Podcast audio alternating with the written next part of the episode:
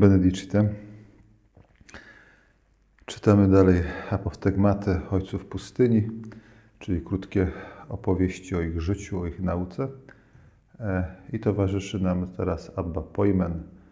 Pamiętamy, że imię to oznacza po grecku pasterza, Abba pasterz. I kolejny apoftegmat. Pewien brat rzekł do Abba Pojmena. Popełniłem wielki grzech i chcę pokutować za niego przez trzy lata. Starzec mu odpowiedział: To dużo. Brat rzekł: Więc przez jeden rok. A starzec znowu powiedział: To dużo.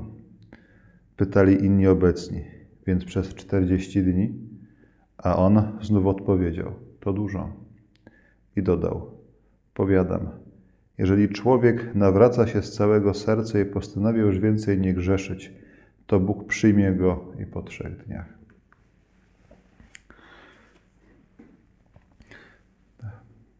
Może trochę szokować nas nie tyle dzisiaj łagodność Pojmena, bo ona wydaje nam się niejako naturalna i taka bardzo zgodna z Ewangelią, co o wiele bardziej może nas szokować e, surowość tego brata, który po popełnieniu grzechu próbuje czy zamierza pokutować aż trzy lata. Cała, cały ten jednak apostygmat, jak zazwyczaj, pełen jest y, symboliki. Pamiętajmy o tym, że zasadniczą czy złotą regułą przy interpretowaniu tekstów starochrześcijańskich jest następująca zasada.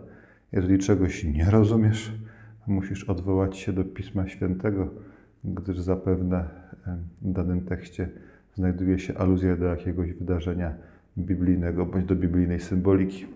I tak samo mamy w tym przypadku te trzy lata, które chce pokutować ten mnich, są aluzją do trzech lat, które spędził Chrystus nauczając i chodząc po ziemi świętej, według przekazu Ewangelii Świętego Jana.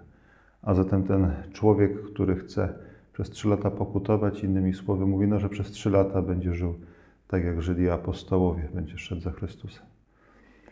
Następny rok, no to jest już kwestia synoptyków, ponieważ według synoptyków Pan Jezus chodził rok po Ziemi Świętej, więc to jest też za dużo. 40 dni jest aluzją do Wielkiego Postu, albo też do 40 dni, które Chrystus spędził na pustyni i ostateczne 3 dni, które tutaj e, pojmę zaleca jako okres pokuty, są aluzją do trzech dni, które Chrystus spędził w grobie i odwołanie się do samej ofiary Chrystusa, do Jego śmierci, połączone ze szczerym żalem, absolutnie wystarczą do tego, żeby człowiek mógł uzyskać od Boga przebaczenie.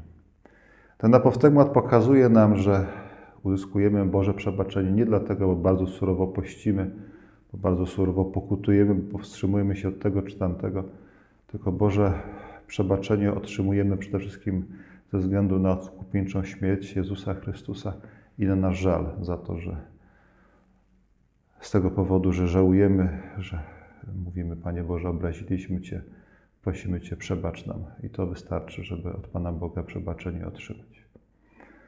A zatem z tym większą ufnością, myślę, warto podjąć pokutę za swoje grzechy.